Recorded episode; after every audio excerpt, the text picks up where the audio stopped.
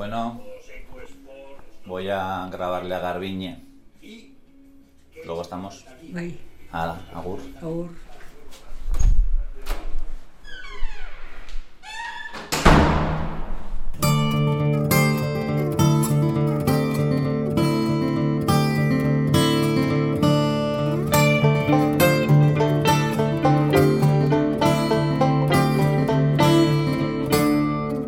Tolosa me conoce prácticamente todo el mundo, por lo tanto ya en Tolosa casi todo el mundo conoce por lo menos a una jueza. Tenemos otra jueza, Anne, de Tolosa, ¿eh? joven que ha entrado hace un año y pico, dos años. Bueno, pues por ejemplo ya eh, todo el mundo, por lo menos a, ese nivel de conocer Cirnia, pues anda por la calle, pisa normal, va por la acera, como todo el mundo, ya está en el supermercado a mi lado. Bueno, pues son tonterías, pero que sabes que la gente está ahí.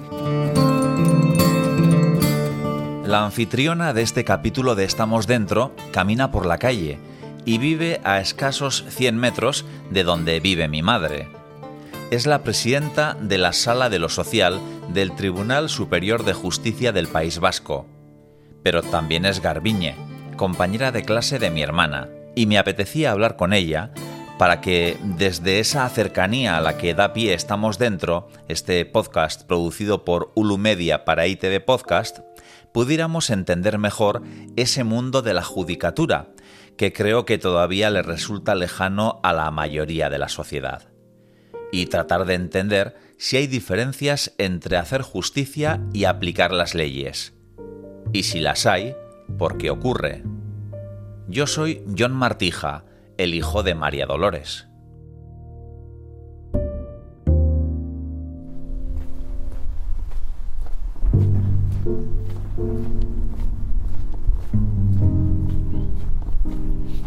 Es una mañana de sol otoñal, de esas de las que a la sombra hace fresco. La primera de todo el otoño. Ya le ha costado.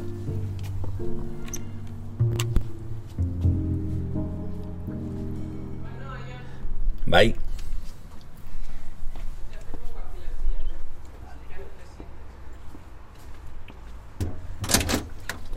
Egunon. Bai, ondo. Bueno, koizte ederra. Egunon. Zer moduz. Ondo, San Biarko. Bai. Yo me voy a poner un té si no te importa. Claro. Como en tu casa. Nuestra anfitriona vive en un adosado con un pequeño jardín. Tiene el porche acristalado, pero optamos por la cocina para mantener la charla, acompañada con un té indio. Mientras voy preparando los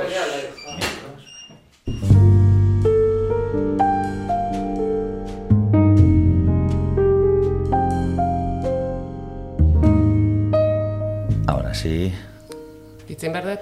Hablo. un poquito, un ver, poquito hablo para coger el volumen. poquito. Así, si se coge el volumen. perfecto. Foto, Foto. no es ficha policial esto, ¿eh? Nos valdrá. Se ve la ventana, que siempre queda bonita, ¿no? Un poco de Vale, un poquito de, aire. de horizonte.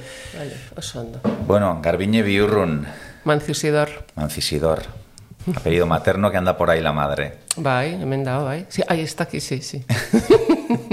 Nos cuesta cambiar el chip, Sí, de, la lengua, pero ya está, ya está. siempre que hemos No, pero hablado... además es que te veo a ti, como- a ti siempre te he hablado en euskera. Sí, entonces, sí, sí. A ti y en tu familia, y entonces, pues... Me ha pasado más veces, ¿eh? Pues más entrevistas que cuando estás acostumbrado a hablar con una persona en un idioma, Exactamente. el cambio... Pero bueno, Eso es, pero ya está, ya, ya estamos entrando. Vamos, y si vamos. saltamos alguna en euskera tampoco pasa No nada. pasa nada, no pasa nada. Exactamente.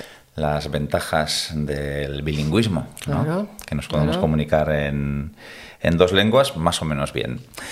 Bueno, Garbiñe, eh, tenía ganas ¿no? de, de que fueras nuestra anfitriona en Estamos Dentro, porque claro, es un mundo, el de la judicatura, que nos resulta como un poco lejano ¿no? a muchos, por suerte, ¿no? En muchos casos, porque cuando Vale. pasamos por un juzgado casi nunca es para tener buenas noticias, ¿no? O al menos el, el mal El trago- origen, el origen Sí. es el que no es bueno, porque siempre se va a un juzgado a reclamar algo, alguna, algo que, que te ha ocurrido, que te crees que te están haciendo mal, te están haciendo injustamente, ¿no? O sea que sí, el origen, la razón de acudir a un juzgado normalmente es algo negativo. Yo he entrado pocas veces a un juzgado. La salida puede ser mejor. Sí, y, y realmente siempre nos ha ido bien, pero esa tensión de aquello que se dice de que es mejor un, un buen acuerdo, no, No, un, un mal mal acuerdo, acuerdo. que un buen juicio, ¿hasta qué punto esto es verdad? Sí, yo creo que cada vez más, además, ¿no? Eh, yo creo que mucho tiempo la gente nos hemos empeñado en general en decir, pues no, yo lo que quiero es que me digan que tengo razón y si no la tengo, que me lo digan. O sea, hacía falta como un golpe de autoridad de fuera, exterior, que es lo que es en realidad eh, una sentencia, ¿no? Una resolución judicial, pero la gente esperaba eso y quería eso. No, no, yo lo que sea, pero quiero que me lo digan. Y en este momento, bueno, pues con todos los esfuerzos que se están haciendo de, de, de el ámbito de la mediación y la justicia restaurativa, por ejemplo, yo creo que se está volviendo a ese viejo aforismo, ¿no? De que efectivamente mejor un mal acuerdo que un buen pleito o que un buen resultado de un, de un pleito, porque en la mediación y en la justicia restaurativa en realidad son las partes las que gestionan también de alguna manera su pleito, en lo que sea, su dolor o su reclamación. Y pensemos, por ejemplo, en muchas, en la justicia laboral, la verdad es que se hace demasiado poco, creo que se debía hacer más. Pensemos en, en un conflicto laboral, ¿no? En una empresa pequeña, por ejemplo, en el que todo el mundo se está viendo la cara todos los días y después de una reclamación, y si una reclamación, si es una reclamación importante, no solo cuantitativamente, ¿no? Sino también por el fondo de lo que hay detrás, pues luego es muy duro también volver, aunque, aunque a una de las dos partes le habrán dado la razón, pero volver ahí en ese ambiente y efectivamente llegar a un buen acuerdo, que las dos partes se convenzan de que han llegado al acuerdo justo o al más justo que podían llegar, que las dos partes han ganado algo y que las dos partes han perdido algo, y que nunca sabrán, por ejemplo, qué habría pasado de haberse llegado al final de un juicio, en el que normalmente o se gana o se pierde al 100%, y a veces las dos partes pierden y ninguna se siente satisfecha, por ello, por eso, un acuerdo es lo mejor al que se puede llegar, que a veces es imposible, efectivamente los, para eso está la, la justicia. Y, pero también está la justicia, la justicia para impulsar esos acuerdos. ¿eh? Claro, luego está el tema de el ritmo al que va la justicia en los últimos tiempos, que claro, eso también igual nos lleva a que mejor si lo arreglamos antes, ¿no? Eh, sí, pues eh, sin duda eh, la, eh, la justicia con los medios que tiene no puede hacer más, pero efectivamente para la persona, para la ciudadanía es terrible. Es terrible. Bueno, aquí aún, aún no estamos ma- tan mal. Aquí, por ejemplo, yo me refiero a los pleitos laborales, que son los que los que me tocan, ¿no? Y de los que a la gente, la gente que acude, la ciudadanía que acude a un pleito laboral es por las cosas de comer, ¿no? Eso, es muy importante. Si le deben salarios o si le han despedido o si pretende una prestación de seguridad social, pues es eh, casi eh, vital, vital para, para la propia subsistencia.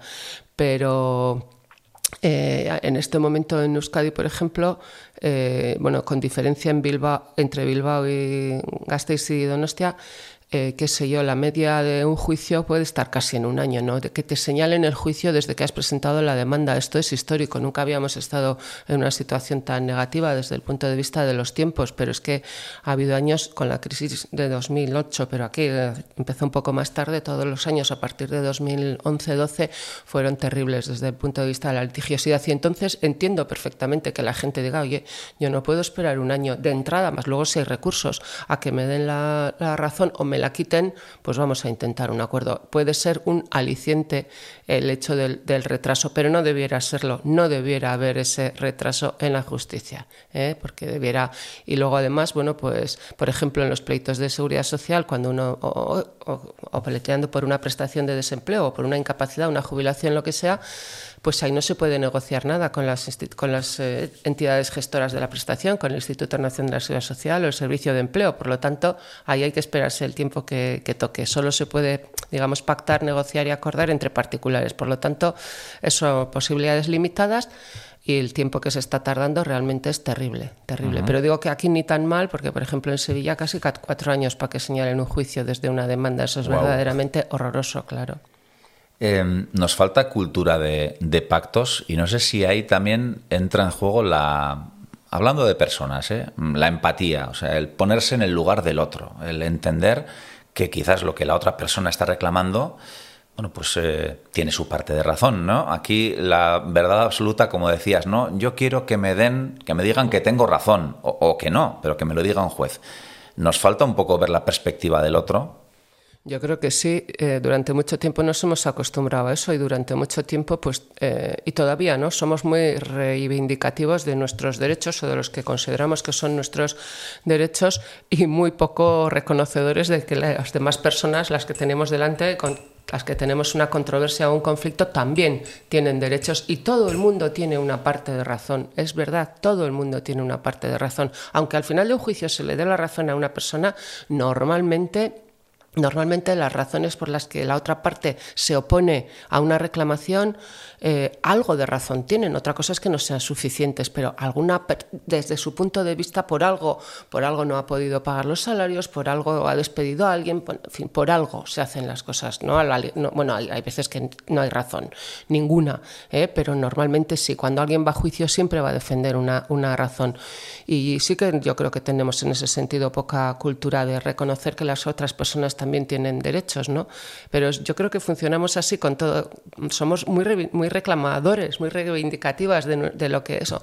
Eh, que me den esto, que me den esto, que me den lo otro. Tenemos un listado de, peticiones al Estado en general y a todo, ¿no? Y cuando pues muchas veces efectivamente es cierto y el Estado también tiene que responder de muchísimas cosas, pero probablemente no de tantas, en mi opinión, no de tantas o no para todo el mundo igual.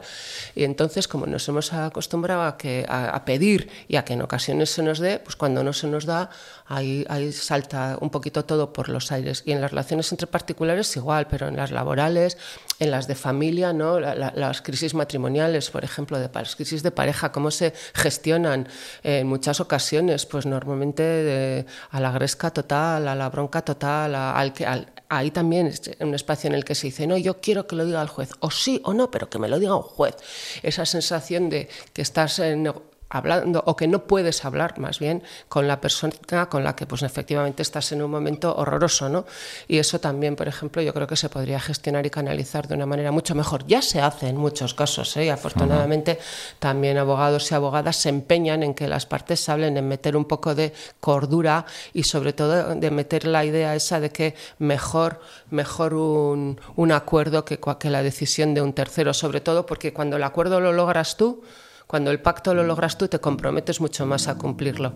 Cuando el pacto, o cuando el pacto, perdón, cuando la decisión viene de un tercero, bueno, pues ahí luego los cumplimientos también son más difíciles, porque han sido algo impuesto en definitiva.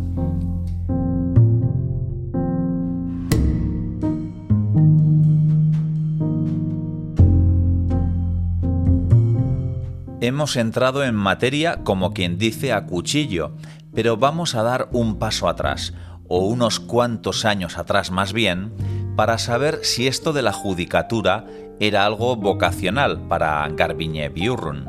No, jueza nunca dije, pero abogada sí que quería estudiar Derecho desde bien pequeña. O sea, bueno, muy pequeña, pues yo que sé, 12, 13 años de esa edad. Yo estaba, lo tenía clarísimo, no, no, tenía ninguna duda y efectivamente es lo que hice. Lo que nunca pensé es que iba a acabar en esto, ¿eh? en esta profesión concreta. Pero eso, bueno, siempre me veía como abogada porque era la salida natural del derecho, ¿no?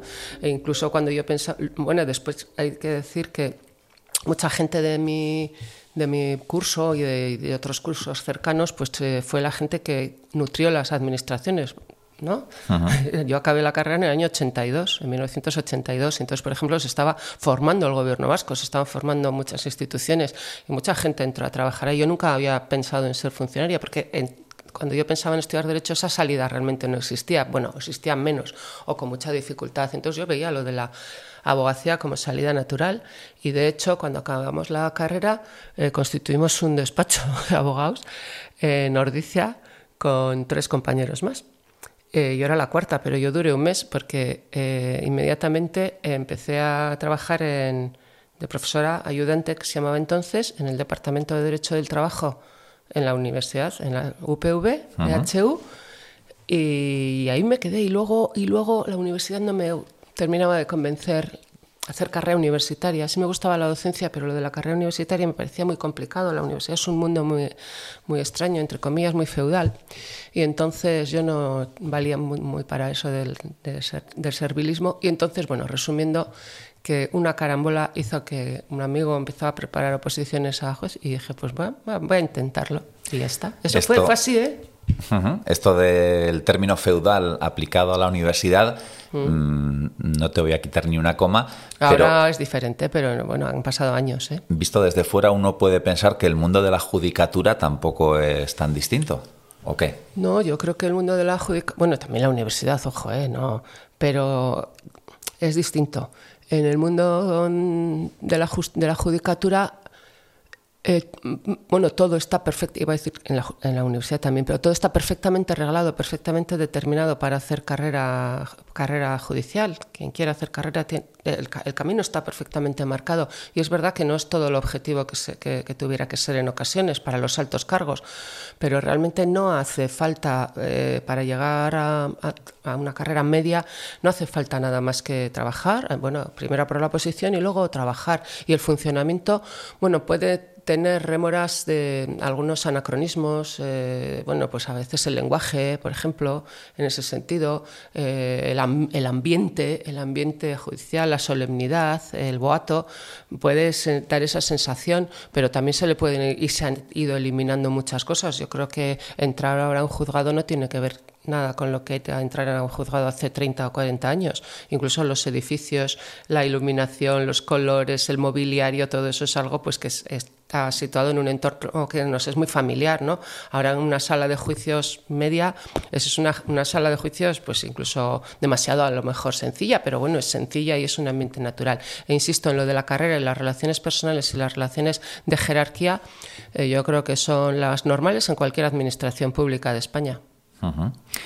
Esa carrera judicial o, esas oposiciones que alguien que quiere optar a un puesto de juez tiene que preparar, claro que es una carrera de, de fondo ¿no? y realmente Sí. dura. Estas y otras oposiciones ¿eh? Eh, que hay a, digamos, altos cuerpos de- del Estado. Eh, sí, son oposiciones duras que llevan bastante, bastante tiempo. Una media, yo qué sé. Yo tardé no mucho, la verdad. Yo justamente tardé dos años, pero, pero qué sé yo, cuatro años mm, o cinco, dicen que cuatro años puede ser una, una media, pero claro, una media de estudio diario diario de que no es de broma, unas ocho, o sea, no te quita a nadie las siete, ocho horas diarias o más. Y todos los días del año, eso yo sí que lo recuerdo. Yo iba de vacaciones y yo estudiaba todos los días. Todos los días porque hay que estar repasando continuamente. Bueno, es igual. Es como son temarios amplísimos y hay que sabérselos de memoria. Porque hay que. Eso sí que es, eso sí que es un anacronismo. Por ejemplo, el sistema de oposición, que es que hay que cantar, que se dice, lo decimos así en la jerga, cantar los temas en un tiempo tasado en un tiempo tasado. Bueno, pues una cosa absurda, ¿eh? o sea, una manera de, de, selección que yo entiendo que es que no es que no es adecuada, pero bueno, entonces el tiempo de estudio a lo que iba efectivamente es terrible, es largo es, y es muy intenso. Y bueno, pues eso es así, sí, es así. Hombre, sí, hay que ser muy constante. Es una, es una oposición, bueno, como todas las oposiciones, lo que pasa que hay oposiciones más breves, de menos temario, de tal, y esta requiere muchísima constancia y, y muchísimo ánimo y tener también un entorno personal que te anime y que te sostenga, ¿no? Porque es uh -huh. duro, sí. Claro, de hecho, ahí también hay un, un debate, ¿no? En torno a si cualquier persona de cualquier estrato social puede optar a optar sí, pero hacer frente a lo que supone el estar, decías, en tu caso fueron dos años, sí, pero, pero la media pone ser cuatro, sí, cinco, sí. Eh, dedicándote como un trabajo, porque son, como decías, ocho horas o diez al día a eso sin tener ningún tipo de, de, retribución. No sé si eso limita el estatus social de la gente que puede optar a, a, ser juez. Puede limitar, pues ahí entra el Estado, el Estado en sentido amplio. Eh, en Euskadi hace muchísimos años que hay becas para preparar las oposiciones y ahora yo no sé si han empezado ya, no lo estoy segura. En el Estado o iban a empezar, bueno, o ya las hay, ¿eh? puede ser. Unas becas que no, sé, no serán exactamente de muchísimo dinero, pero por lo menos para pagar a quien, a quien te prepara, porque normalmente esto se hace con preparador. Eh, aunque también hay preparadores, digamos, eh, pues relacionados con la Universidad del País Vasco, había por lo menos un concierto y, y, esto facilitaba mucho desde el punto de vista económico. Pero bueno, ciertamente, bueno, yo, yo, yo preparé la oposición trabajando, ¿eh? O sea, uh -huh. también es verdad, yo trabajaba y preparaba oposición. Soy una persona que me, me, gusta tener muchas cosas entre manos. Si me centro solo en una, seguro que la voy a hacer peor. Es que si tuviera cinco entre manos, que hago mejor cinco que una. Pero bueno, eso es porque me gusta cambiar la cabeza de, de sitio. Pero económicamente eso es una, hombre, que no soluciona, no es un salario pleno, pero puede solventar algo la cuestión. Y en, en todo caso, y esta pregunta sí que se hace mucha gente y es una especie de reproche. los datos, desde luego, revelan que la extracción social, económico-social, de las personas que llegan a la judicatura hoy y hace, qué sé yo, en los últimos 20 años, eh, es absolutamente en la media eh, y no se repiten tanto los apellidos, por ejemplo, ¿eh? ni muchísimo menos. Y es en la media.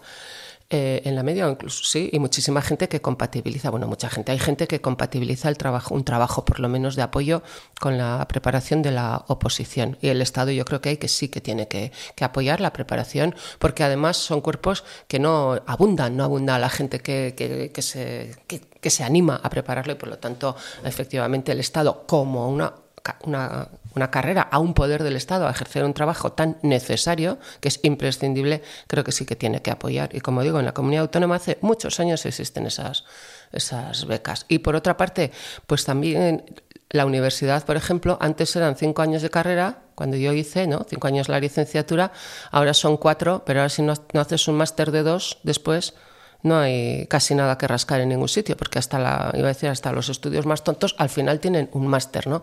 O sea que ese reproche, por ejemplo, yo sí se lo hago a la universidad muchísimo más, porque los másters cuestan dinero eh, y también hay que estar dedicándose a ello. Por lo tanto, bueno, eh, bueno, y también hay becas de estudios, pues por lo mismo, ese mismo sistema de la beca, de becar a quien por lo menos no podría sostenerse, yo creo que es bueno. Eh, intentaré no meter la pata con la terminología, decías lo del, lo del lenguaje, ¿no? La comunicación. A veces estás leyendo una sentencia y, no sabes si te han dado la razón o te la han quitado. Pero bueno, eh, son cosas que pasan. Vale, sacamos esa oposición y, no sé si ya a una le tiran en un juzgado y tiene que empezar a decidir cosas o cómo es ese proceso de, de, pasar de ser una estudiante, en tu caso también trabajando, pero claro, hay muchos casos en los que la gente eh, llega a una oposición, la prueba, la saca sin haber trabajado nunca. Bueno, pues eso también ha cambiado muchísimo en los últimos años. Yo cuando yo aprobé la oposición en el año 87, eh, en mayo, en veintitantos de mayo era, no me acuerdo. En, en junio para San Juanes, más o menos, nos llevaron a Madrid, a la escuela judicial. Bueno, pues fue fenomenal. Nos pagaban un salario como jueces en prácticas, creo que era, aparte del, sol, del sueldo, ideal. Después de la oposición, voy a Madrid. Estuvimos dos meses, bueno, eh, acabamos a final de septiembre, pero agosto fue vacación. Prácticos, dos meses, en los que estuvimos eh, haciendo prácticas en distintos juzgados. Es escasísimo ese tiempo. Bueno, eh, prácticas en juzgados y luego teníamos clases también en la, en la escuela judicial por las tardes. Y, ah, yo empecé a trabajar el 26 de, octubre perdón, del 87. O sea, con dos años y ya está, a trabajar. Hoy dos meses, perdón, dos meses de prácticas y a trabajar. Hoy la escuela judicial, que está en Barcelona, se ha descentralizado el Poder Judicial en eso. Pues, la escuela está en Barcelona. Se está más o menos un año en la escuela judicial, un año y luego se están unos meses en prácticas directamente en juzgados, haciendo prácticas serias. Y de, de verdad, hoy quien accede a un juzgado como primer destino, después de la oposición, después de esa escuela judicial y después de todo, accede con un bagaje muchísimo mejor desde el punto de vista práctico de enfrentarse a lo que es la gestión de un juzgado eh, que lo que hacíamos entonces, afortunadamente. De manera que estamos en buenas manos en ese sentido. Y claro, digo porque normalmente los primeros destinos siempre son los juzgados de pueblo de pueblo digo, pues de Tolosa, de, Irún, de Vergara, de Eibar, de eh, Espeitia. Bueno, en Guipúzcoa, ¿no? Y entonces, esos son los primeros destinos de la gente. Ahí va la gente que sale, la gente joven, las chicas normalmente, que no hemos dicho nada. Sí. ¿Eh? Más del 60% ya de la carrera judicial, contando los, los muy mayores, como yo, a los, que, a los que entran ya el 60% en términos, 63 creo por ciento en términos absolutos son mujeres. Somos mujeres. Y las nuevas promociones, estamos hablando de un 80, 80 y tantos por ciento de mujeres. Esto quiere decir que en 20 años, o menos de 20 años, ese 60 y tantos por ciento de ahora, en términos absolutos de toda la carrera judicial, va a ser del 70 y tantos.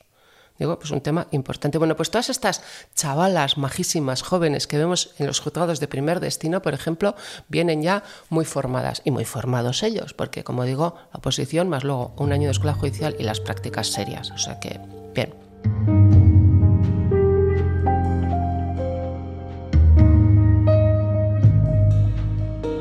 El primer lugar donde Garbiñe Biurrun ejerció como jueza fue en su localidad natal, en Tolosa. Y había un razonamiento tras esa decisión. Pero desde distintas perspectivas, aquellos años 80 no fueron años fáciles, tampoco en un juzgado. Eh, esa fue una apuesta eh, hecha a propósito. Porque yo cuando estudiaba las oposiciones, yo no había tenido nunca ningún contacto con el mundo judicial, ni con la abogacía, ni con nada. Un mes, como digo, estuve en un despacho. Y lo dejé cuando empecé a trabajar en la universidad, como he dicho. Y yo no conocía eso ni de familia ni de nada. Yo no había, bueno, había sido juzgada una vez en un juzgado de Tafalla, en un juicio penal por un accidente de coche, eso, en el año 80.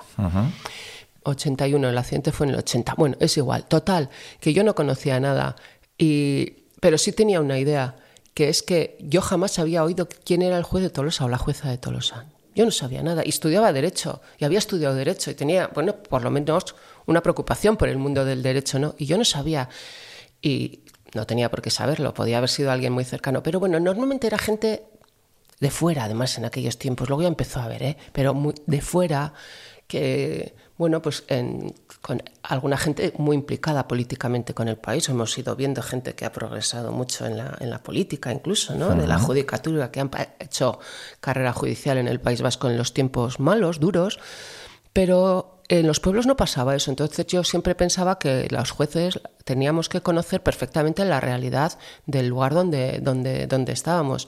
Y dije, pues, pues eso lleva de natural a que puedas ejercer como jueza en, el, en tu propio pueblo, ¿no?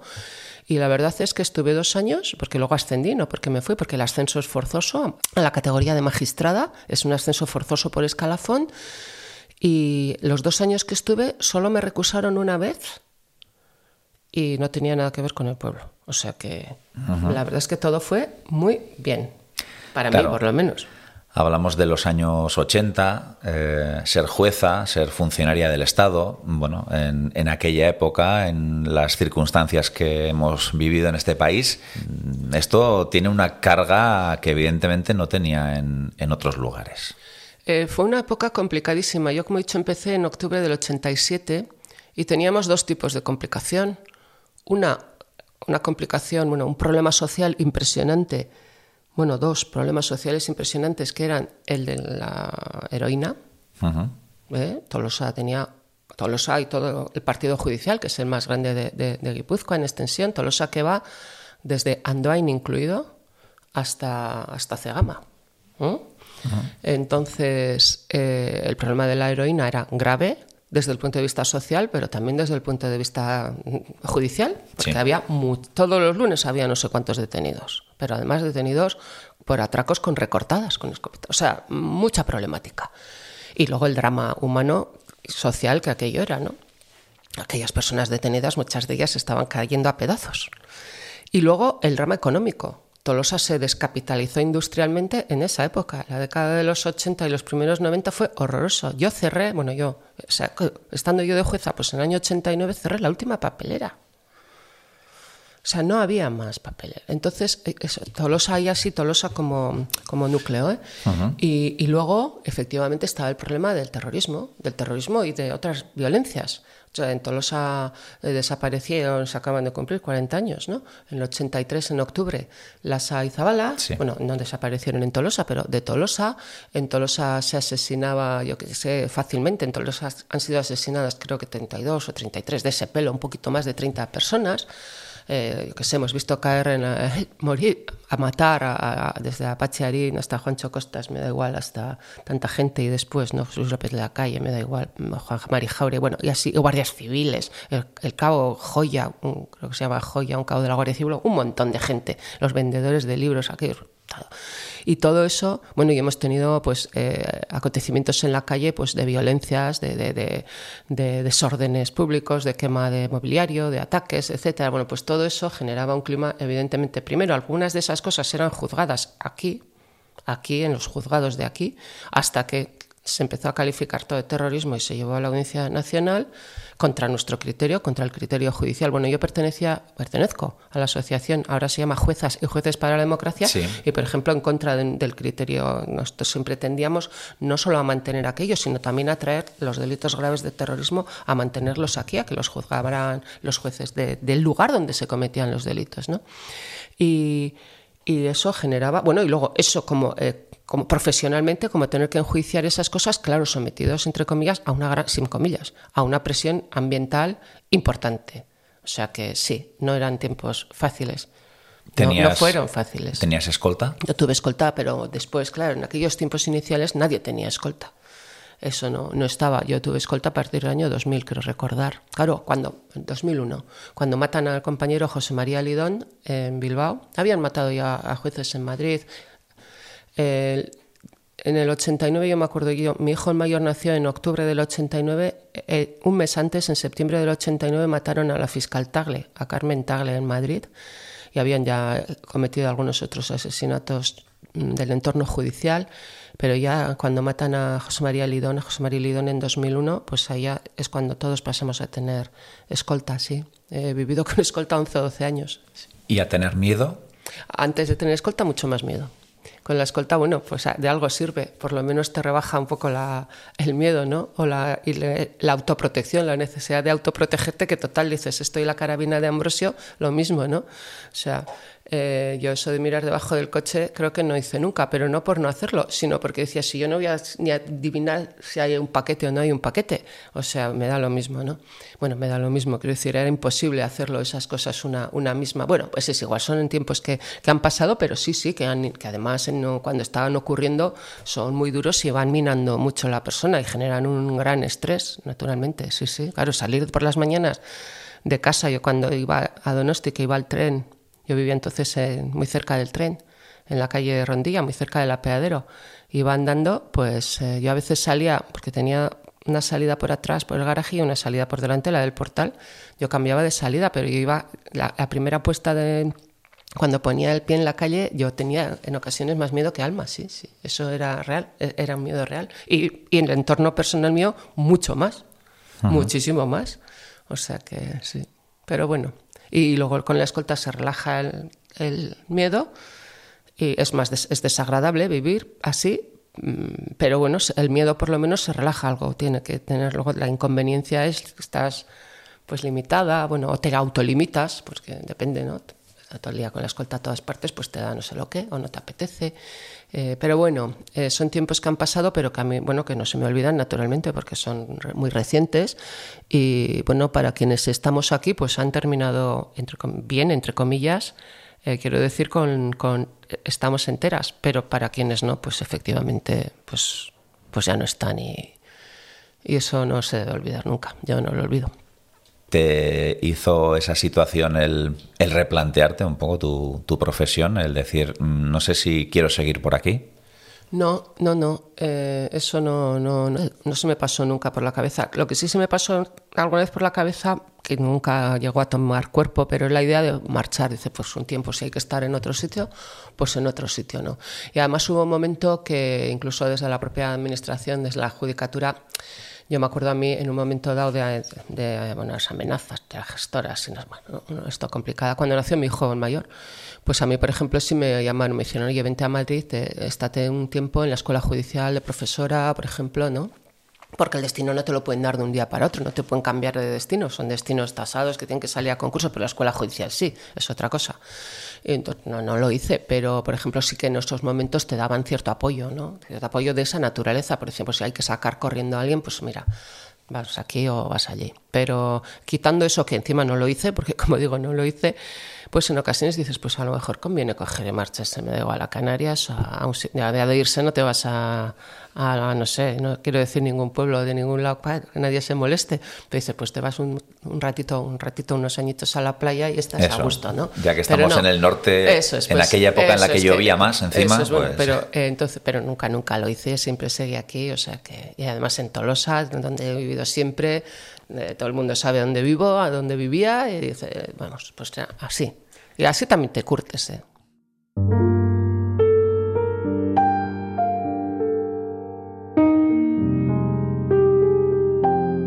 Le recordé a Garbiñe aquella anécdota televisiva que tanto dio que hablar del por aquel entonces presidente del gobierno español, José Luis Rodríguez Zapatero, aquella en la que no supo decir cuánto costaba un café. Haciendo un paralelismo con la judicatura, ¿hasta qué punto los jueces están en contacto con la calle?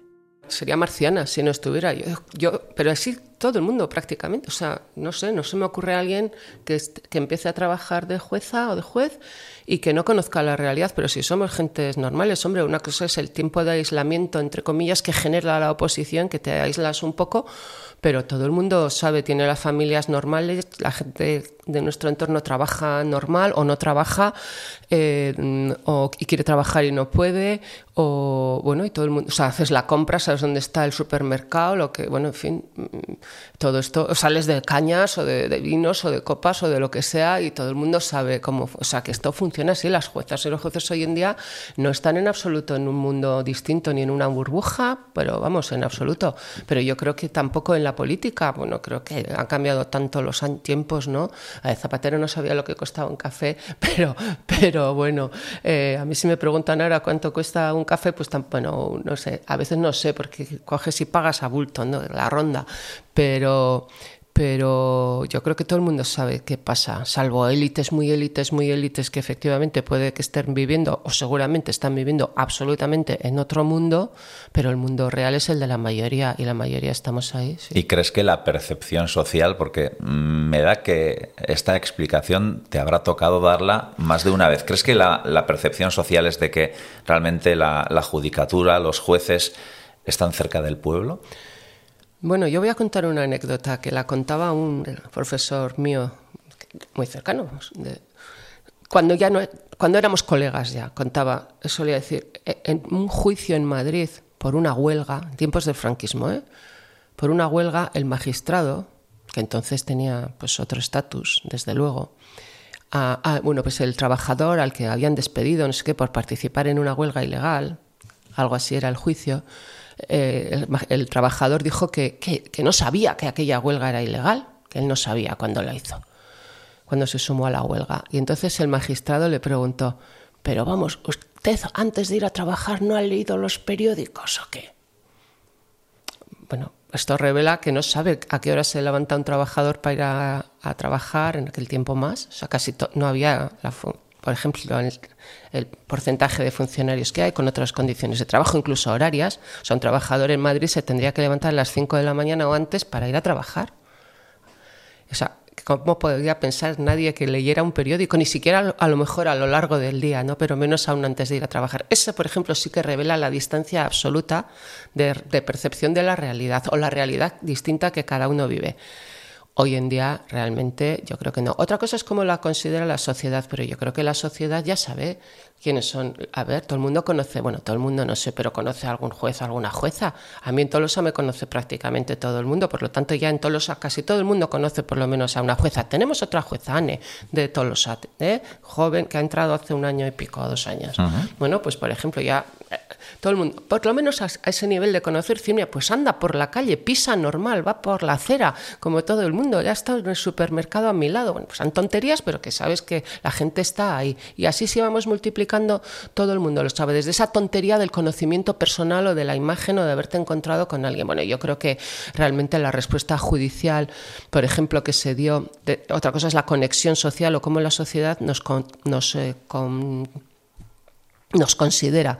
Eh, por ejemplo, la respuesta judicial que se dio eh, con la crisis de 2008, aquí un poquito más tardía, pero eso, pues, en los años 2011, 12, 13, en dos planos, por ejemplo, en el plano laboral, con el tema de los despidos colectivos, que bueno, fue la, una respuesta judicial eh, que moderó mucho, que limitó mucho el alcance de la reforma laboral de Rajoy del año 2012 y eso fue la judicatura la que, la que lo hizo. Y en segundo lugar, por ejemplo, todo el tema del drama de los desahucios que había, ahí también la judicatura puso pie en pared e incluso a instancias de la propia judicatura vasca, por ejemplo, se hizo un acuerdo con el gobierno vasco e instituciones municipales para eh, que cada vez que había un desahucio hubiera una intervención de los servicios sociales a ver qué estaba pasando ahí. Por lo tanto, yo creo que eso la sociedad pues lo pudo, lo pudo ver. O sea, otra cosa es que se olvida y que se, incide a lo mejor más en lo negativo que en lo positivo, pero yo eso sí que quiero reivindicarlo. Bueno, por ejemplo, ahora, perdón, ya con esto de la percepción de la sociedad.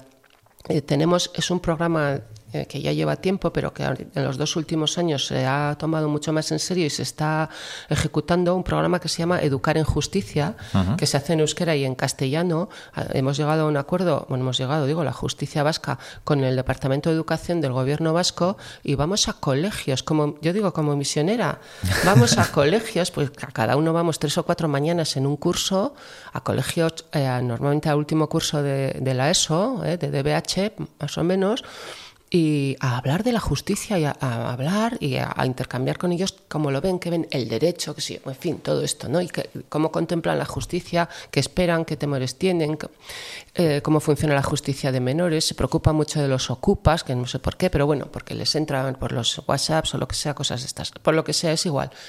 Y entonces esa gente está viendo, hemos estamos haciendo ochenta y tantos colegios al año. ¿eh? Que, y nos apuntamos voluntariamente y ahí nos perdemos las mañanas. Nos perdemos, ¿no? Pero echamos la mañana. Y esa gente joven, muy joven, pues ya está percibiendo, ve jueces y juezas ahí delante hablando con ellos con total normalidad, unos en gatos en castellano.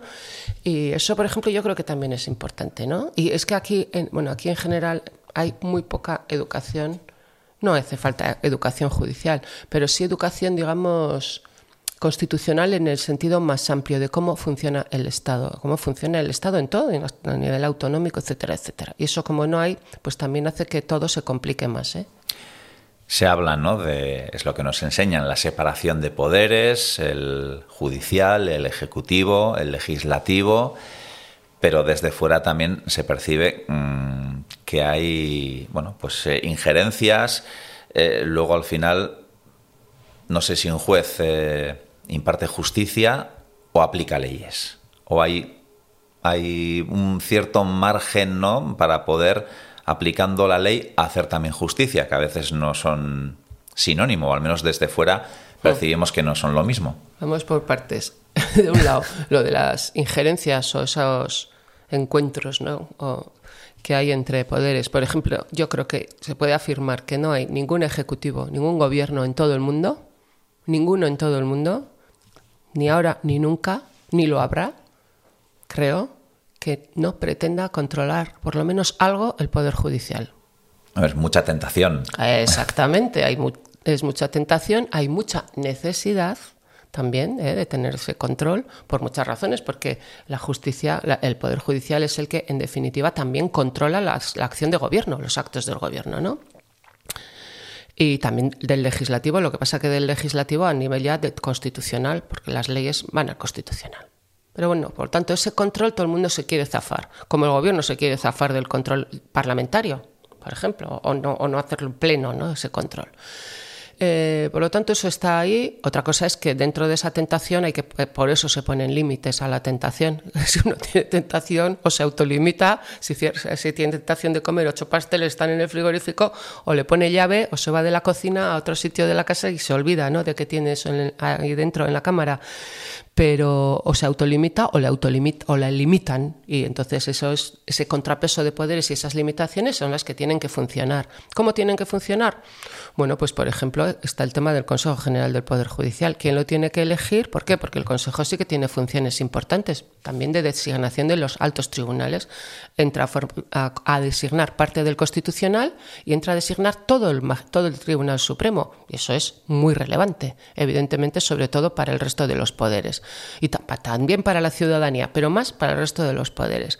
Y entonces ahí ese control se quiere ejercer por esa, por esa vía. Se quiere ejercer también el control, pues por ejemplo, cuando se pone a un... Eh, uno sale de ministro y prácticamente al día siguiente entra de magistrado en el Tribunal Constitucional, o sale de ministra y entra de fiscal general del Estado. Y no digo que sea, porque digo que son los hechos más recientes, por los que tenemos más cercanos en la, en la mente, ¿no? por razón de cuándo han ocurrido. Entonces, eso es lo que yo creo que hay que controlar absolutamente y más, hay que controlar más. Si los controles existentes no funcionan suficientemente, habrá que poner más límites. Y en cuanto a la cuestión, ¿cuál era la otra? Sí, Ah, la- la de- justicia de la justicia y la, y la- y la- y la la aplicación de la ley. sí. Bueno, eh, esto es un eh, tema que se va a debatir siempre también, porque eh, ¿cómo se puede hoy hacer justicia sin aplicar la ley? ¿Cómo se puede? Eh, porque hay que pensar qué es la ley. La ley es realmente un acto de la que se llama soberanía popular, bueno, de la que representa a toda la sociedad. Es verdad que hay leyes injustas.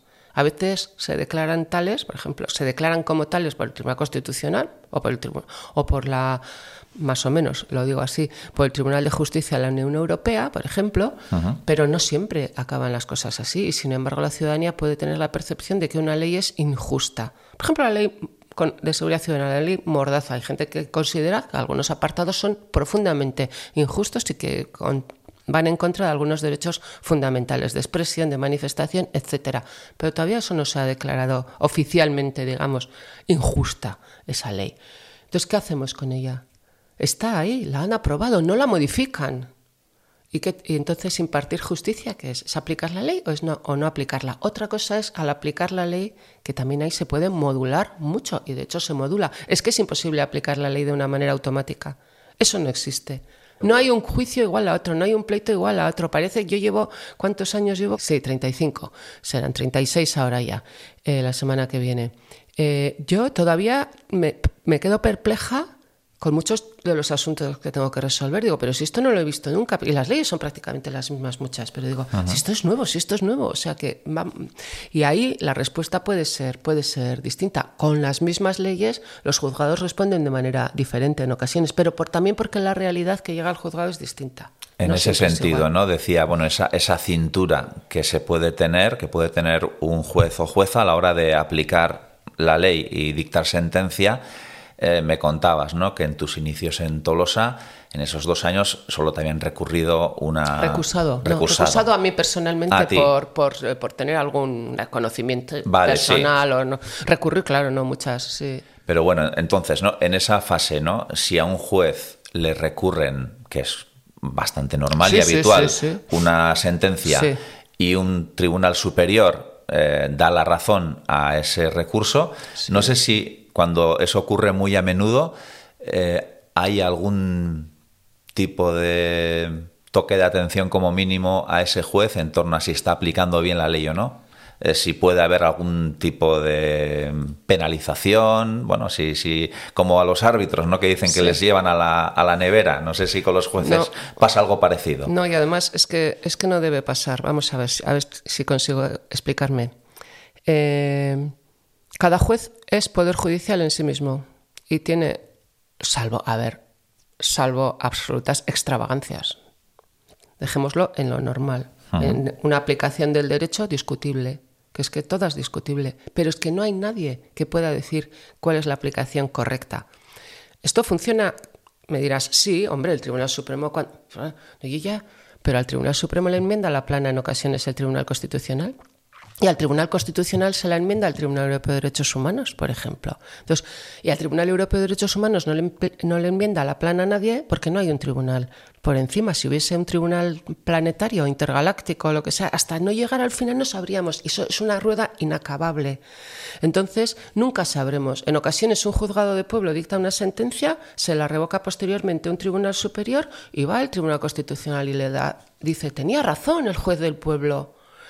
Por lo tanto, y esto pasa en ocasión, pasa ¿no? más, de, más de una vez, y más de dos, y más de tres. Por eso, nadie sabe cuál es la correcta aplicación de la ley. Por lo tanto, si una sentencia está razonada, está motivada, aunque hayas dictado una resolución que luego se revoca porque no se considera ajustada a derecho por un tribunal superior, no pasa nada. Y no debe pasar porque si no estaríamos cerrando toda posibilidad a renovar la doctrina judicial. O sea, nos atendríamos solamente yo, el Tribunal Supremo ha dicho esto, pues esto solamente vamos a decir, no nos podemos salir de ahí, no, hay que ir con cabeza y cuando la- el pleito per- lo permite, porque la realidad que se enjuicia permite salir un poco de ahí, es que si no, no avanzaría nunca la jurisprudencia. El, tribu- el propio Tribunal Supremo, bueno, y cualquier tribunal puede modificar su propio criterio, dice, mira, hasta ahora lo había, y lo hace, ¿eh? y lo hacemos, ¿eh? Y el Tribunal Supremo también lo hace con cierta frecuencia. Dice, mire, hasta ahora habíamos dicho, yo entiendo que eso puede generar perplejidad, pero y sobre todo al que al que al que perdió un juicio en su día y ahora lo habría ganado con esa nueva tesis, ¿eh? pero eh, con la misma ley, porque si cambia la ley, cambia la ley, no, con la misma ley. Pero claro, a veces el propio Tribunal Supremo lo dice y nosotros decimos, es que teníamos este criterio, pero ahora hemos visto otra cosa, hemos visto otra luz, nos han entrado otros argumentos que han planteado las partes y entonces lo vemos. Pero ese cambio de criterio, por ejemplo, hay que motivarlo, hay que decir por qué cambiamos de criterio. Y por lo tanto, la aplicación de la ley. Ah, entonces no se puede disciplinar a ningún juez por una como digo, incorrecta, que tampoco es exactamente incorrecta aplicación de la ley, salvo, insisto, que sea una barbaridad tras otra la que esa persona comete, en cuyo caso normalmente se le va a someter, si es que cabe, a algún proceso de incapacidad, porque, qué sé yo, si alguien viene a reclamar eh, en un juicio laboral una, una indemnización, de, un, un salario que se le adeuda, unos salarios que le debe el empresario, y termina el juez por decir que, que el trabajador es un sinvergüenza, que no tiene razón y que además más va a tener que pagar él al empresario 2.000 euros por decir algo, eso es una barbaridad o una aplicación, como digo, absolutamente extravagante de la norma. Pero lo demás no se puede disciplinar, insisto, no se debe disciplinar por el contenido de las resoluciones, salvo que sean insultantes, faltas, faltas de respeto o absolutamente irracionales.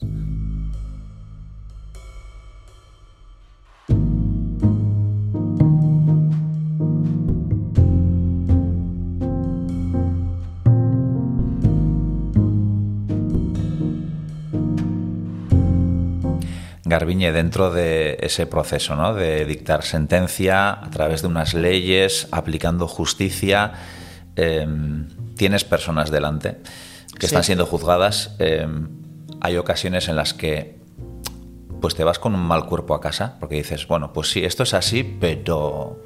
Sí, muchas ocasiones. Hay muchas ocasiones que tú estás viendo que esa persona está sufriendo, pero a lo mejor el remedio no está dónde lo está pidiendo, qué sé yo, por ejemplo, ¿no?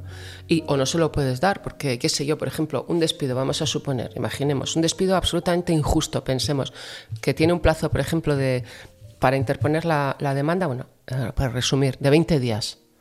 Imaginemos que se le ha pasado el plazo, por un día, por dos. Pues ya, aunque el despido sea horroroso, eso se ha, ha caducado, no puede, no puedes darle la razón, tienes que decirle que no ha ejercitado su acción en tiempo por ejemplo, es un ejemplo fácil el que pongo. Digo, y se va a ir. Y no sé si lo va a entender, pero no se, no se puede decir, si la norma dice 20 días, decir, a salvo que haya ocurrido algo extraño. Decir, en este caso, como me da no sé lo que, le voy a dejar que sean 22. No, porque la otra parte tiene derecho a que se mantengan los 20 días, por ejemplo. Siempre hay intereses contrapuestos. No es que alguien reclama al cielo no reclama al vacío, reclama frente a alguien que también tiene derecho a que su posición se escuche y a lo mejor es que el otro es el que tiene la razón por eso. Pero el problema es que, por ejemplo, en mi materia, en la materia laboral, pues, eh, como he dicho antes, son las cosas de comer, ¿no? Y mm, el problema es que no, todo se puede resolver ahí, porque hay problemas que, que son ajenos o consecuencias negativas de determinadas actuaciones que nos son ajenas que no están en nuestras manos resolver. El problema es que eh, si supiéramos, bueno, y bueno, cada vez va también eso muchísimo mejor, ojo, que el Estado, las instituciones del Estado amparan a las personas con problemas, y me refiero ahora a problemas económicos, si estás tú tan seguro de eso, es, es, un mal menor que pierda un juicio laboral. Debiendo perderlo, si no tenía que perderlo, no tenía que perderlo, ojo. Pero si lo pierde, porque efectivamente no lleva razón, porque ha llegado tarde en su pretensión, etcétera, bueno, tú sabes, bueno, aquí no ha tenido la respuesta tal, pero va a tener una respuesta eh, de, protección eh, fuera de aquí, ¿no? Y eso es importante también, creo. Hemos hablado de la separación de poderes, eh, está también el tema de la imparcialidad de los jueces, ¿no? Que antes utilizaba el símil de los árbitros. Bueno, mm. pues un árbitro puede ser del Real Madrid y le puede tocar arbitrar al Real Madrid y no se tiene que, notar. Bueno, eh, ha habido jueces, ¿no? Antes también lo has citado, que han hecho carrera política. Y a ti también en su momento, bueno, pues tuviste tus no sé si tentaciones, propuestas como mínimo. De hecho, leía por ahí un titular que te llamaban la Manuela Carmena de Euskadi. Sí. bueno, hubo. Algo hay que escribir. Hombre, esos titulares, Que sí, que sí, que sí. como periodista, sí, sí, dan sí, juego, dan hubo, juego. Incluso, bueno, pues mm, 2016. a, a poder ser candidata al Endacari Sí. o proponerte como candidata al Endacari. Eh, 2016, sí. mm, es una puerta que has cerrado. Hombre, las puertas, mm, cerrarlas con, con siete llaves no se hace nunca, pero a la vista está que, que de momento está absolutamente cerrada. Sí, pero bueno, luego mm, eso que decías, que, que te Hombre, gusta pero es hacer. que también tengo 63 años. Quiero decir que, o sea, digo que las puertas no se cierran, pero te las cierra la vida a lo mejor. Es decir, no, eh, hay que ser realista también. No, digo que no cierro la puerta porque imaginemos, imaginemos yo que sé que dentro de cinco años pasa no sé qué en mi vida y de repente digo, ah, pues mira, me propone no sé qué, lo voy a aceptar, esto o cualquier otra cosa, ¿no? Digo, mira, pues si dijiste que no, no, yo no digo que no, pero Que yo no en recuerdo ese en, aquel momento. momento, en 2016, yo dije que no, era un momento para mí bueno, personalmente también complicado, aquello, aquello requería una dedicación importante, bueno, o sea, y eso era cuatro años de dedicación, no digo siendo lendakari, siendo parlamentaria o lo que ac- acabado aquello, por ejemplo, aquello, ¿no? Yo aquello no podía, no me podía dedicar eso, ese tiempo y no era llegar y marchar, pues esas cosas no se hacen así.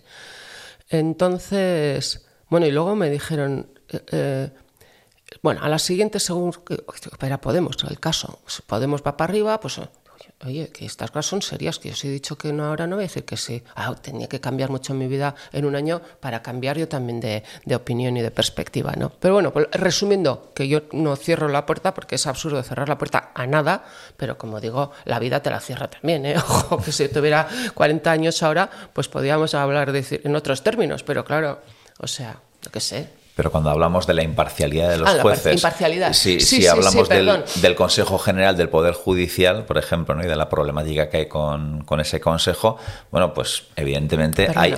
No, no, sí, sí, eran dos temas, ¿no? Pero bueno, que, que esa imparcialidad, eh, bueno, pues eh, queda como mínimo en tela de juicio, como mínimo. Bueno, lo del Consejo General del Poder Judicial es una cosa verdaderamente tremenda, ¿no? Es esperpéntica. Bueno, es esperpéntico que, que ya ahora vayan a hacer, ¿cuántos? Seis años en, en diciembre.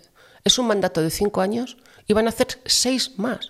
O sea, van a hacer más tiempo prorrogados que lo que era el mandato oficial de cinco años. Eso es, bueno, pues impresionante. Es impresionante la falta de acuerdo político, pero yo, mi opinión, bueno, yo ahí no, me parece que todo el mundo lo está haciendo mal. Eh, creo que ha habido una dejación de funciones también de las presidencias del, del Congreso y del Senado que tenían que haber movido eso llamado y porque tienen que nombrar cada una en vo- vocales del Consejo, parte el Senado, parte el Congreso, pero bueno, en definitiva, lo de la imparcialidad. Eh, la imparcialidad, no- bueno, por distinguir ¿eh? una cosita solo, la imparcialidad es, ah, ya sé que a veces los términos, es respecto de las partes en un juicio, Sí. ¿eh? en un juicio concreto. Yo tengo que ser imparcial, no tengo que tener parcialidad o querencia a ninguna de las partes, ¿de acuerdo? Y por eso, para hay mecanismos de Por abstención ejemplo, y de recusación. en ese juicio que citábamos de Tolosa, te recusaron porque, una de las partes porque- pensaba que podías que, tener... Además se equivocaron, ¿eh? porque dijeron que era la mujer de un abogado de los gays y no, y no era cierto. O sea que bueno, pero bueno, habían oído alguna cosa rara por ahí. Pero bueno, pues eso me podían recusar por decir, oye, pero si es que es amiga de no sé qué o es lo que sea. Y, y, en una, en- me acuerdo perfectamente en un programa, eh, pa- para hablar de lo que es la cultura judicial o no en la sociedad, ¿no? En hace años, hoy tan años, pues entonces sería en el 88, por ahí, me hizo una entrevista a Matiño en ETV, ¿eh? un mito, a Matiño. Y eh, no sé cómo hablando de esto, yo dije, pero vamos a ver, es una... eh, a mí me parece un escándalo que la gente no tengamos más cultura institucional y constitucional en ese sentido amplio, porque todo, todo el mundo sabe, o por lo menos la mitad de la población sabe, aunque a un árbitro se le puede recusar, a un árbitro de fútbol. Yo puse ese ejemplo. Pues cuando dices, tiene mucha querencia, tenemos un listado de arbitrajes y siempre, bueno, muchísimo más favorable, mucho más penaltis, mucho más, lo que sea pitados a favor o en contra de un equipo o del otro. Y la gente tendría que saber también que se puede recusar a los jueces por la misma razón. Es decir, yo le recuso porque tiene amistad íntima con, con ese o enemistad íntima conmigo o porque ha sido mi trabajador hasta lo, lo que sea. Hay unas causas tasadas en la norma. Eso es la imparcialidad. Lo que hablamos es la independencia ¿no? del Poder Sí. Judicial. Entonces, eh, ¿qué pasa con el Consejo General del Poder Judicial? Que, como hemos dicho, nombra una parte del Tribunal Constitucional y nombra todo el Tribunal Supremo, todas las salas, la civil, la penal, o sea, la que ha juzgado el procés, la laboral, todo, todo lo nombra el, el Tribunal, o sea, todo el Tribunal Supremo es nombrado en el Consejo General del Poder Judicial. ¿Y qué pasa? Bueno, pues que hay serísimas dudas de que sea independiente, en el sentido de que está o puede estar muy contaminado por el poder político que precisamente es el que tiene interés en que, por ejemplo, al Tribunal Constitucional y al Tribunal Supremo lleguen unos o lleguen otros. Cuando digo unos u otros, pueden ser cuestiones personales incluso y también ideológicas, ¿eh? de control ideológico de esos órganos tan importantes. Y entonces, ¿por qué está la sospecha? Hombre, pues porque es que los nombran. Al final, no es así lo que quiere la Constitución, porque quiere que haya una mayoría de tres quintos de Congreso, Senado, etcétera, al, Consejo General del Poder Judicial. Pero al final los nombran los partidos. Y en este espectáculo de estos últimos seis años es que se reúne un político del PP y un político del PSOE. Y nadie más pinta ni pincha ni corta. Entonces eso es lo que resulta, en mi opinión, un escándalo. Tanto es así que yo en estos momentos soy favorable a que se cambie el sistema de designación y los 12 jueces que tienen que ser al Consejo sean elegidos por los jueces. Y los ocho restantes, que eh, está previsto constitucionalmente así, los ocho restantes sí, que no son jueces, en el Congreso y en el Senado. Pero yo creo que cuanto menos mano meta los políticos en esto, muchísimo mejor. ¿Que la ideología será la que sea? Pues será la que sea. Todos los jueces tenemos ideología, eso es innegable. Otra cosa es que nuestra ideología sea una ideología de partido o que nuestra ideología nos lleve a hacer lo que no debemos. Eso es otra cosa. Creo que en tu caso también ha habido algunas situaciones en las que mm, desde instancias superiores eh, te han dicho que no podías hacer cierta cosa o que no podías posicionarte del lado de determinada cuestión. Pues, por ejemplo, creo que estaba el tema de Gurescu Dago, de por medio. Y alguna otra. Ah, en el, el foro social. Eh, eso es. En el foro, ahí sí que pedí también y no, me, no, me, dejaron. Y lo de Gurescu y no sé si alguna otra. Sí, efectivamente. Yo ya he dicho antes que a mí me gusta tener varias cosas entre manos, pero no por tener varias cosas entre manos, porque para eso ya me puedo dedicar a, qué sé yo, al parchís o a, ir a nadar, a lo que sea. Pero bueno, pues eh, en el momento del foro social, por ejemplo, sí que me me, pidió, me, ofertó, estas cosas nunca se sabe, te piden o te ofrecen, ¿no? si es un regalo envenenado, pero eh, participar en el foro social yo creo que era muy interesante, desde luego no iba como jueza, hombre, tampoco te quitas tu, bagaje y tu conocimiento y tu, y tu percepción de la, de la, justicia y de todo cuando vas a un sitio de esos, pero yo me representaba solo a mí misma, pedí, pedí autorización, pedí compatibilidad, me la negaron y yo pues no estuve, claro, en el foro social y bueno, me dio mucha pena, pero yo opté por mi profesión, no podía dejar mi profesión. Y luego también me mm, pedí, porque también me, desde Gurescu, porque yo he participado mucho con Gurescu, he hecho muchas, muchos bolos, he hecho muchas charlas, he ido a muchos sitios, ahora ya no, pero cuando estaba más al pil pil la cuestión, eh, pues apoyando la iniciativa de, de Gurescu, ¿no? Eh, y y también me, me, ofrecieron o me pidieron estar en el, no sé, era una especie de ejecutiva, un grupo, y también pedí autorización y, y también me la negaron. Yo creo que en los dos casos eh, era una negativa que no tenía ningún, ningún fundamento, pero ¿por qué no? Por ejemplo, Gurescu no tenía ninguna, ni, ni lo del foro social, ningún tipo de relación con mi trabajo judicial, ningún tipo, jamás iba a poder eh, haber el mínimo contacto, la más mínima fricción entre los temas. Pero bueno, yo aquí de todas maneras no lo recurrí, yo no creo que merece la pena, por ejemplo, por eso meterse en un camino judicial tortuoso y complicado y ahí lo dejé estar y ya está. No, no, no pasa nada, bueno, no pasa, sí pasa, ¿no? Yo estoy, además, ellos me argumentaron en los dos casos que que eso, que mi independencia podía estar en cuestión, bueno, eso yo siempre lo he dicho, está en función del, del, grupo y de la ideología o de lo que defiende ese grupo, en este caso el Foro Social y Gurescu, por ejemplo, porque a nadie se le había negado antes ni, ni siquiera se, se, habían pedido la compatibilidad para estar, por ejemplo, en el foro Hermoa, por decir algo, ¿no? Me consta, yo he tenido compañeros de trabajo en el foro de Hermoa, en el consejo de redacción de la revista del foro Hermoa, papeles de Hermoa, por ejemplo, y en el foro, y a nadie le negaron nada. Por lo tanto, es más el para qué vas a estar ahí o qué tipo de grupo es que el qué. Y a mí eso me pareció, pues eso, pues ideología también. Se respondió ideológicamente por el Consejo General del Poder Judicial cuando a mí se me negó eso. Otro ámbito, y ya para ir finalizando, en el que también ha sido militante, el del euskera y el de que el euskera también tenga presencia en este ámbito judicial que claro, mm, siendo un ente del Estado, no sé, y ahora que hablamos tanto ¿no? de, del euskera en las instituciones o, en el Congreso, por ejemplo, em, en la judicatura, ¿qué presencia tiene el euskera eh, en los juicios? En... Bueno, en, en los juicios muy poca, muy poca, nula. Es un espacio problemático. Primero, no solo hace falta que el juez o la jueza sepan euskera, cada vez hay más que saben, claro, se están incorporando nuevas generaciones, muchas gentes de aquí, y por lo tanto cada vez hay más. Eso empieza a dejar de ser un grave problema. Eh, pero en un juicio intervienen muchos personajes. Entonces, hay que combinar todo eso. Podría haber unos sofisticados sistemas de traducción simultánea. Eso no se ha puesto. Eh, bueno, pues, hay traductores, equipo de traducción pero bueno, esto es muy complicado. Cada, vez que esto hay que llamarlo, la gente le disuade enseguida eso, porque dice, pues, lo primero que se dice, se le va a retrasar el juicio. ¿eh? Dice, ah, no, oiga, pues déjelo, lo hacemos en castellano, ¿no? Eso es muy disuasorio cómo se plantea y eso es lo que hay que revisar. Pero insisto, hay muchos personajes en un juicio, un juicio laboral, uno que va, le han denegado una incapacidad permanente que había pedido, va y ya está. El juez, secretario o secretaria ya no está, pero está la propia parte, su abogado o abogada, que tampoco a veces sabe, ojo, depende.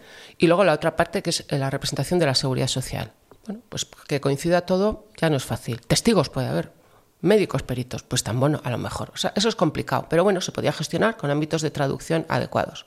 Y también se puede combinar, decir, oiga, una persona que, se, eh, que, está, que es su pleito, que se está, o en un pleito penal, que se está defendiendo lo que sea, en su declaración, pues a mí me parece que es compatible que declare, por ejemplo, en euskera, si, si, si está más cómoda, bueno, no solo si está más cómoda, si quiere declarar en euskera, por la razón que sea, y, y, y se puede combinar, pues se podría combinar estamos siempre permanentemente en pruebas pilotos. Se han hecho varias pruebas piloto. Va a empezar otra, otro programa piloto. Bueno, ya veremos, Eh, es un ámbito, como digo, muy complicado, muy difícil. Eh, esto no es que vas a la consulta del médico o de la médica y estás sola y hablas. Y no, no, esto es mucho más serio. Mucho más serio en ese sentido, de aunar a mucha gente.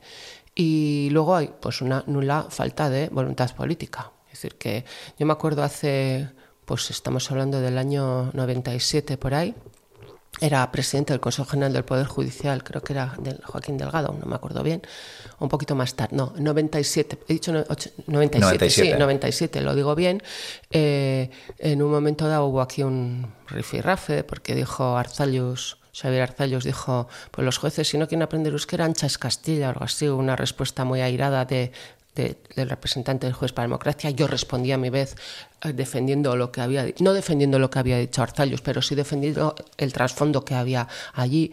Y luego ahí al tiempo salió el presidente del Consejo General del Poder Judicial y dijo que, bueno, que él con todos los cursos de Euskera y con todo lo que preveía, que en cinco años eso estaba perfectamente normalizado. Y yo dije, bueno, pues le cojo la, la, palabra. Bueno, los cinco años no es nada, ¿no? Desde el año 79 tenemos un estatuto de autonomía, por lo tanto, bueno, cinco años se pueden esperar y todavía diez y quince, pero si vamos a llegar a buen puerto, pero es que avanzamos muy poquito. Es verdad que, por ejemplo, todo el mundo ahora recibe, que recibe una citación, una comunicación judicial, la recibe en euskera y castellano. Eso es cierto, en las dos lenguas. Todos los modelos están eh, en las dos. Eh, pero bueno, sigue habiendo esas dificultades. No es un entorno todavía eh, amable para el euskera, no es un entorno que invite a hablar en euskera, es un entorno en cierta manera hostil o arroza, ajeno, ajeno al euskera. Y eso se ve, por ejemplo, en la cartelería oficial. Eh, está en euskera y castellano porque la pone el gobierno vasco, pero en cuanto hay que poner una nota urgente de algo, pues se pone en castellano por ejemplo, ¿no? Pues bueno, son esas cosas. Entonces, la ciudadana ciudadano que llega allí, pues eso no. Y además dice, yo no quiero líos. Porque además muchos ojos dicen, a ver si el juez o la jueza se rebota un poco, si empieza a decir, ah, pues no, no, no. Claro, eh, eh, eh, es la misma jueza que se te, o el juez que se va a rebotar contigo porque dices que quiero hablar en euskera y dirá, ¿qué lianta o liante es este ciudadano? es la que te va a juzgar. No, a ver, no somos así, no se la guardamos a nadie, ni muchísimo menos, pero la ciudadanía tiene entre comillas, derecho a pensar, que dices, no, no, yo no quiero lío, ¿no? No quiero lío. Y luego hay mucho debate detrás, ¿no? De de, de, del alcance de ese derecho. Yo creo que es un derecho pleno, por supuesto, expresarse en las dos lenguas y la administración del Estado, desde luego también eh, la administración del Estado periférica, eh, descentralizada, tiene que respetar el bilingüismo absolutamente. Uno no puede ir hoy a la subdelegación del gobierno y que le nieguen hablar en euskera. Tiene derecho. Otra cosa en ese momento no le puedo atender, espero un momento, ya vendrá alguien, lo que sea, pero tiene pleno derecho a expresarse en euskera en cualquier órgano de la administración del Estado aquí.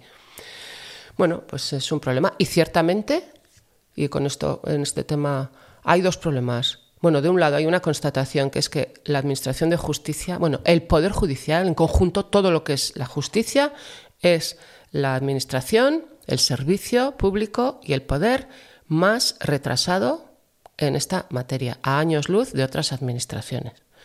Y de otro lado, eh, bueno, encima, además, está el tema de cómo está respondiendo la justicia en sus resoluciones en relación con normas eh, que regulan el uso del euskera o de las lenguas cooficiales aquí. ¿no? Eso es ya otra cuestión.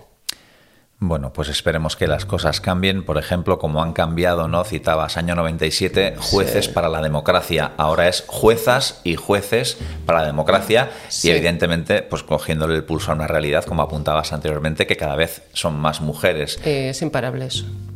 Y, y en ese sentido, bueno, pues esperemos que estas cosas también cambien. Garbiñe biurrun, ba, eskerrik asko, zure etxean Zuri. jasotzeagatik. Noski. Y, nada, pues que ha sido un placer entender un poco mejor este mundo de, de la justicia y la judicatura. Y creo que es importante también, ¿no? Que nos desprendamos como sociedad de algunos prejuicios, que todavía los hay, y que, bueno, pues también en esa empatía que decíamos, ¿no? Entendamos Sí. mejor qué es lo que hacen los jueces. Y, y un poco mi objetivo era este en esta charla. Yo creo que lo he Sí. entendido un poco mejor. Un poquito, Espero pues que, que los oyentes también. Pues si ha servido para eso, me alegro. Yo siempre estoy dispuesta además a explicar. Yo creo que también hay que confiar en que la- las nuevas generaciones, pues no lo sé, no sé si va a ir a mejor o no esto de la comprensión de- institucional, pero creo que hay que, hay que facilitarlo en todo caso. Así que nada. Es que ricasco. Suri, John, mila esker.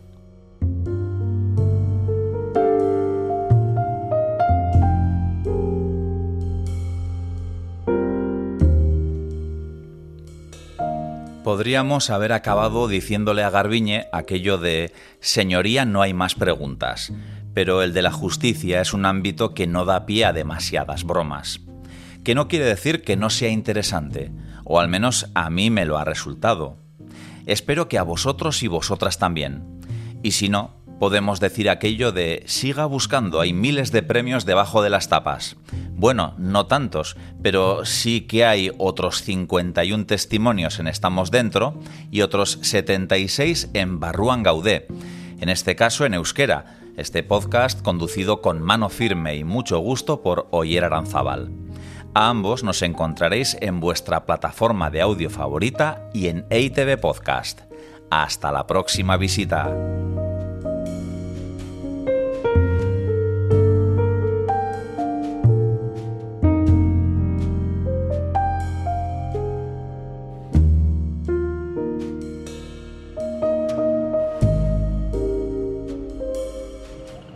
Ei, txt, entzun hori. Ulu Media.